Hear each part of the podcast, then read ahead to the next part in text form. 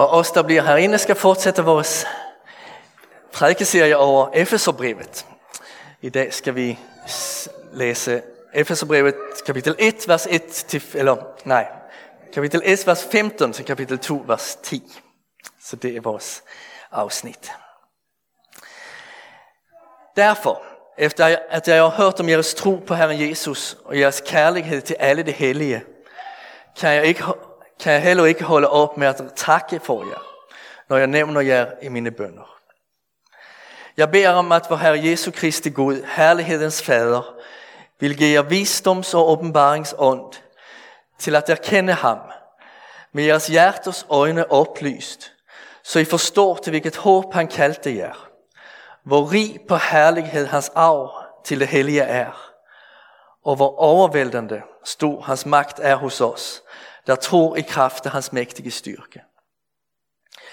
Med den magt virkede han i Kristus, da han oprejste ham fra det døde, og satte ham ved sin højre hånd i himlen, højt over al myndighed, magt, kraft, herskermagt og hvert navn, som nævnes kan. Ikke blot i denne tidsalder, men også i den kommende. Alt har han lagt under hans fødder, og han har givet ham som hoved over alle ting til kirken. Den er hans leme, fyldende ham, der skaber hele sin fylde af alle.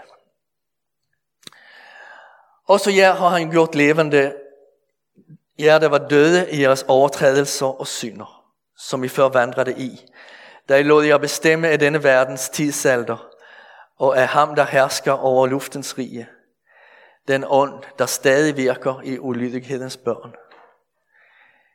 Til dem hørte også vi alle engang.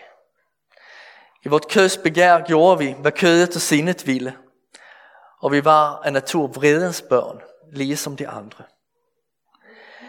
Men i sin rige barmhjertighed, og på grund af den store kærlighed, han elskede os med, gjorde Gud os, der var døde i vores overtrædelser, levende med Kristus. At noget er i frelst. Og han oprejste os sammen med ham, og satte os med ham i himlen, i Kristus Jesus. For i det kommende tidsaldre at vise sin overstrømmende rige nåde og sin godhed mod os i Kristus Jesus. For at, nåde, for at den nåde er i frelst ved tro, og det skyldes ikke jer selv – Gaven er Guds. Det skyldes ikke gerninger, for at ingen skal have noget at være stolt af. For hans værk er vi, skabt i Kristus Jesus, til gode gerninger, som Gud forud har lagt til rette for os at vandre i. Amen, lad os bede. Herre vores Gud, vi er ikke værdige til at samles i dit hus denne formiddag. Vi har intet att vara stolta af eller pege på som fortjeneste foran dig. Men i Kristus har du givet os al din godhed, og det takker vi dig for. Og vi ber at du, som er herlighedens fader, nu må oplyse vores hjerter og give os af dit åndelige evige liv. Amen.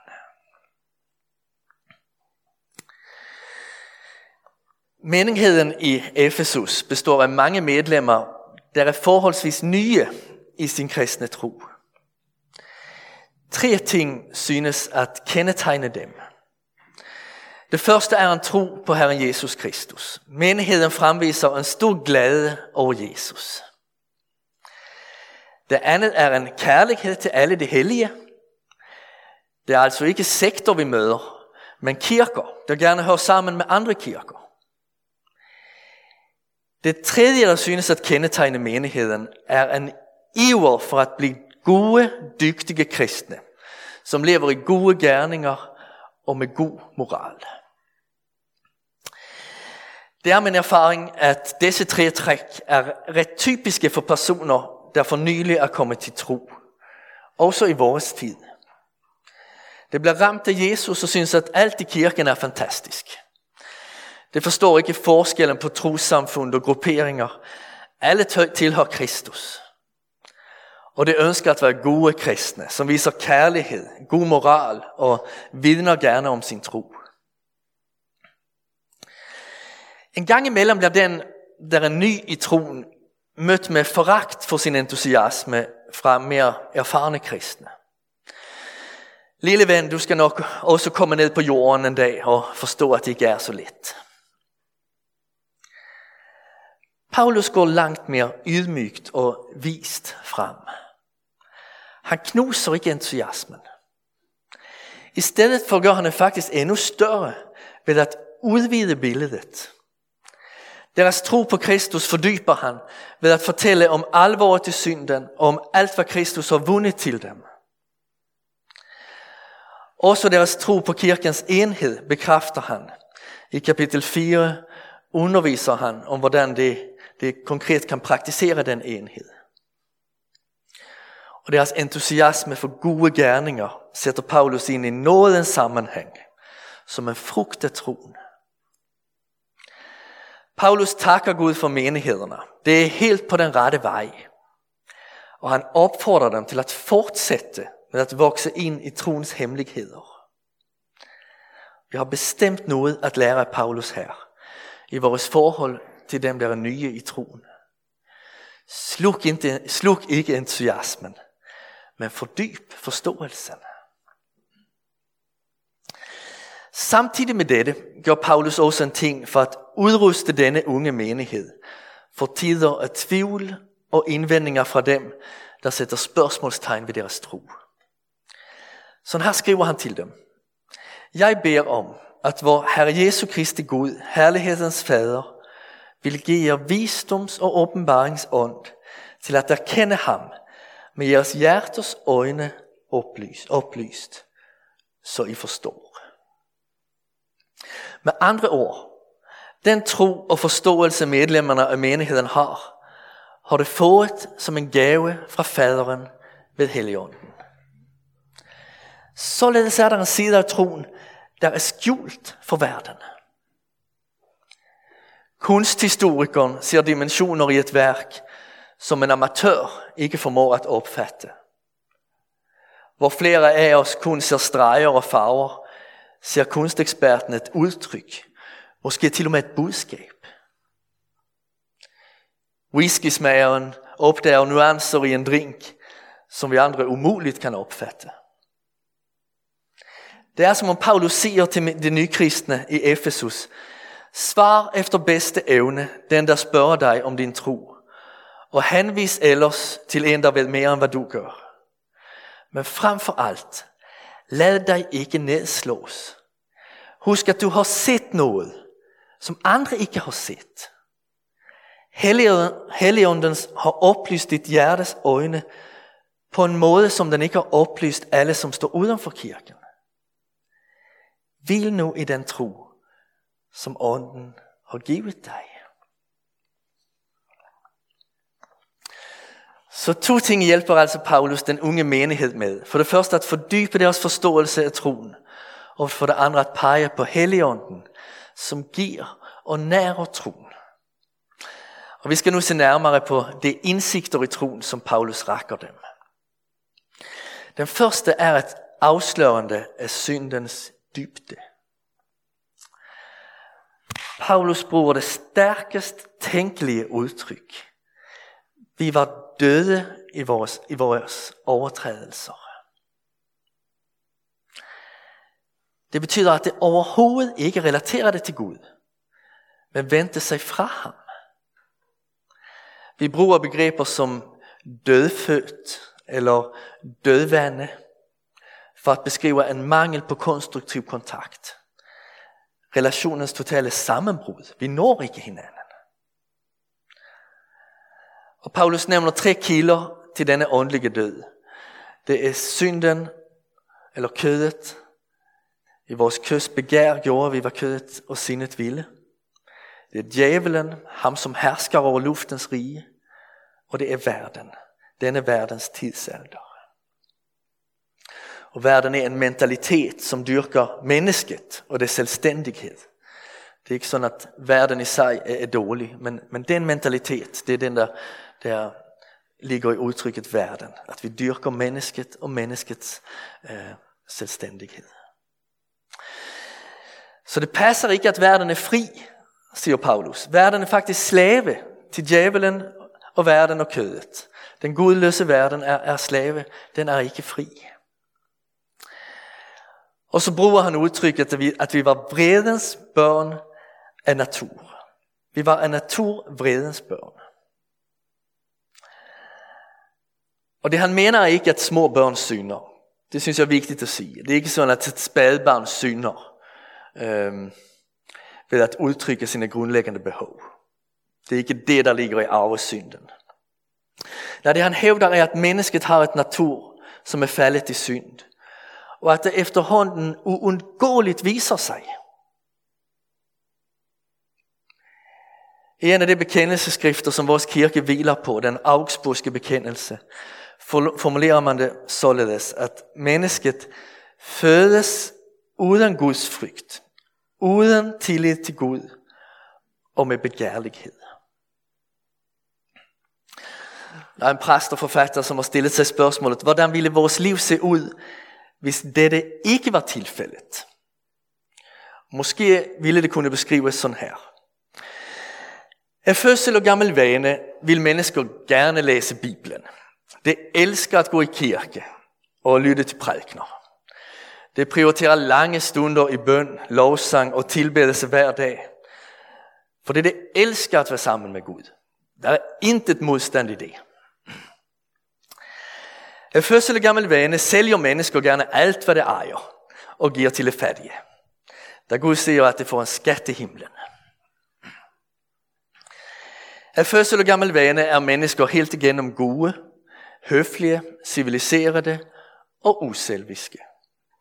Alle mennesker er nødt til at lære at blive selviske, tilrage sig, blive nærige og gøre onde ting. Jeg vidste nu var sådan det var. Og det er det nu ikke.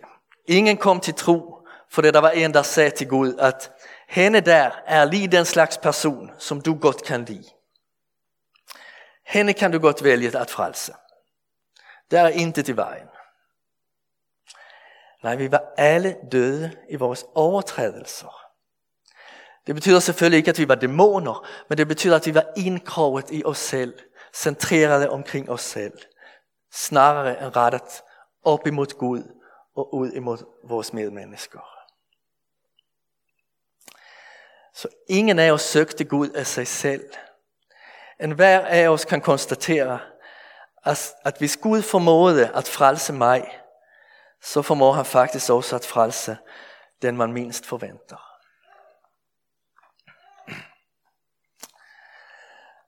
Så det var det første, en indsigt om alvoren i synden og dybden i synden. Det andet er en vidshed om Guds oversvømmende nåde. I Romerbrevet forklarer Paulus, at syndens løn er død. Men det modsatte er også sandt. Syndfrihedens løn er liv. Kristus levede og døde i vores sted for at give os nåde, for at give os nyt og evigt liv fra Gud. Og det får vi lov til helt ufortjent at modtage, uden at gøre os fortjent til det i gerninger. Det er den gode, men også ydmygende nyhed. Uden den nyhed ville vi alle være fortabt for evigt. Paulus bruger udtrykkene Guds rige barmhjertighed og Guds oversvømmende rige nåde. Nåde betyder overflod. En jødisk dreng tog en skål med sig og gik til nærmeste købmand. Han rakte den frem og sagde, jeg vil gerne have chesed, nåde med jordnødder. Så smilede manden i butikken, tog skålen frem og fik påfyldt på så meget, at det rent over. Da vi kommer til Jesus, bekender vores synd og beder om noget for vores åndelige død, smiler han og giver, så det flyder over. Mit begær mit bager er fyldt til overflod. Ikke mit begær. Mit bager er fyldt til overflod. Måske også mit begær. Men at syndfrihedens løn er en oversvømmende nåde i evighed. Og den vidshed, den gav Paulus til menigheden i Efesus. Det tredje er en anelse om Guds overvældende magt. Jeg tror, at de alle har stillet jer spørgsmålet, hvor er Gud henne nu? Hvor er Gud henne nu? Eller måske har I fået det spørgsmål fra et barn eller fra en ven. Hvor finder vi ham? Ja, hvordan svarer man på det? Jeg tror, det afhænger lidt af, hvem det er, der spørger. Hvis en voksen, der er mærket i livet, spørger os, så svarer vi nok, Gud er på bunden, nederst, der hvor skammen, sårene, synden og ensomheden bor. Han som er lyset er gået ind i alt menneskeligt mørke. Og han har lovet at møde os i mørket. Det var fra døden, som Kristus blev oprejst. Hvis barnet spørger, så svarer vi, at Gud er i himlen. Paulus ber til herlighedens far og skriver, at hans arv er rigt på herlighed. Jeg må indrømme, at jeg tit begynder mine bønder med at nævne min resignation eller frustration. Og jeg behøver lære af Paulus. Han starter med at sige, Herre, herlighedens far, til dig vender jeg mig. Du er den skønneste og mægtigste. Du er mulighedernes Gud. Jeg lovpriser dig, jeg bekender dig. Det er sådan, han starter sine bønder. Og så nævner han menigheden, og han ber at det skal få lov til at vokse i indsigt om, hvem Gud er. Så Gud er i himlen, og Kristus er i himlen. Paulus fortæller, at Gud ved Kristi himmelfart satte ham på hederspladsen i himlen. Um, Kristi himmelsfart er jo Kristi kronbestigning, altså hvad skal man, jeg ved ikke hvad det hedder på dansk, men han bliver altså konge kan man sige, han indtager tronen. Det er det der sker Kristi himmelsfart. Uh, øh, altså Kristus indtager den højre hånd ved faderens side. Og det er som magtens sida. Det är därför Kristus virker Guds vilje i världen. Och det betyder att Kristus han regerar över alla makter och han regerar över all makteslöshet. Han är i himmelen. Så det är det enda svar. Han är i mörkret hos oss. Han är i himmelen. Och hvis der var en af jer, der rejste jer op nu og spurgte, hvor kan jeg finde Gud? Så ville svaret måske blive, lige her i kirken. Ham som, øh, han har givet ham som hoved over alle ting til kirken. Den er hans leme, fyldende ham, der skaber hele sin fylde af alle. Hjernen sender signaler ud i kroppen og får den til at fungere og røre sig. Kristus er hovedet, som ved ordet og gudstjenesten sender sine gode tanker, sin sandhed, sin kærlighed ud i menigheden. Så fyldes den af ham og hans liv, sådan at den kan gøre hans vilje. Vi bliver ikke frelst ved gode gerninger, men vi er frelst til gode gerninger. Hans værk er vi skabt i Kristus Jesus til gode gerninger. Gud vil føre os ind i et liv, hvor vores gerninger spejler vores tilhørighed til ham. Hvor vi modtager signalerne fra ham og lever dem ud i vores hverdag. Sen reformationerna, reformatorerna udtrykte det sådan her forholdet mellem, mellem troen og, og gerningerne. At troen er gravid med gode gerninger. Det ligger i troens natur at føde gode gerninger. Øh, så vi modtager tager fra kirkens herre og lever det ud i vores liv. Så Kristus er i mørket, han er i himlen, og han er i sin kirke. Han er ikke langt væk fra nogen af os. Og så det fjerde, som Paulus fører menigheden ind i det er et forskud på den himmelske arv. Håb kan se meget forskelligt ud i vores liv. For nogen er det en tro på, at alt bliver bedre en dag. At efterhånden vil lysne. Livet vil komme til at overraske på nyt. For en anden er håbet en fornemmelse af, at der er en mening, også med det svære man skal igennem. For en tredje er håbet at få lov til at opleve en sommer mere. For en fjerde handler håbet om, at der er nogen, der tør række ud og være der, når man nu afklædes mere og mere og griber sig afmagt. Og jeg tror, at mange af os kender flere sider af håbet, og vi behøver mange sider af håbet. Bare denne sidste uge har vi set coronasmitten øge igen, og en eksplosion ødelægge store dele af Beirut. Då er det ikke nok med et håb, der strækker sig frem til graven. Vi behøver også håb forbi graven.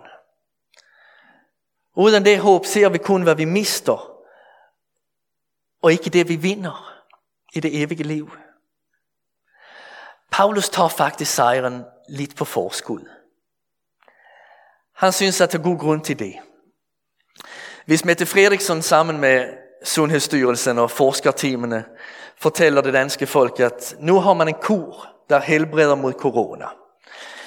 Jamen så vil de fleste nok tro hende. Men endnu stærkere ville det overbevise os, hvis der kun for dage, hvis der kun for dage, dage tidligere blev vist billeder af, hvordan Mette Frederiksen selv lå i respirator. Og vi blev informeret om, at hun skulle behandles med en kur, som forskerne nu var helt sikre på ville virke. De fleste kristne ville nok tro på evigt liv. Vi Gud lovede det ved sine profeter eller evangelister. Men nu har han lovet det ved en, selv at komme tilbage fra de døde. Det er Kristus som opstanden, der har lovet os evigt liv. Og Paulus skriver, at Gud på den måde kaldte os til håb. Vi blev kaldt til et håb. Og åndeligt har han allerede nu gjort det med sin kirke, som han fysisk gjorde med Kristus. Gud opreste os sammen med Kristus og satte os med ham i himlen. Det evige liv er udvidelsen af noget, som allerede er vores. Og derfor kan vi begynde at fejre det allerede nu. Døden er det store tab, men for en kristen er det også døren ind til den store gevinst. Så vi holder gudstjeneste denne søndag på opstandelsens dag, for vi er et folk, som er kaldet til håb. Amen. Lad os bede. Herre, tak for at du peger på syndens dybde i os. Din oversvømmende nåde til os. Din overvældende magt og den himmelske arv. Vi beder om, at det, du har talt til os, må blive til tro på Kristus og til kærlighed til alle det hellige. Giv os villighed til at vandre i de gode gerninger, som du forud har lagt til rette for os. Amen.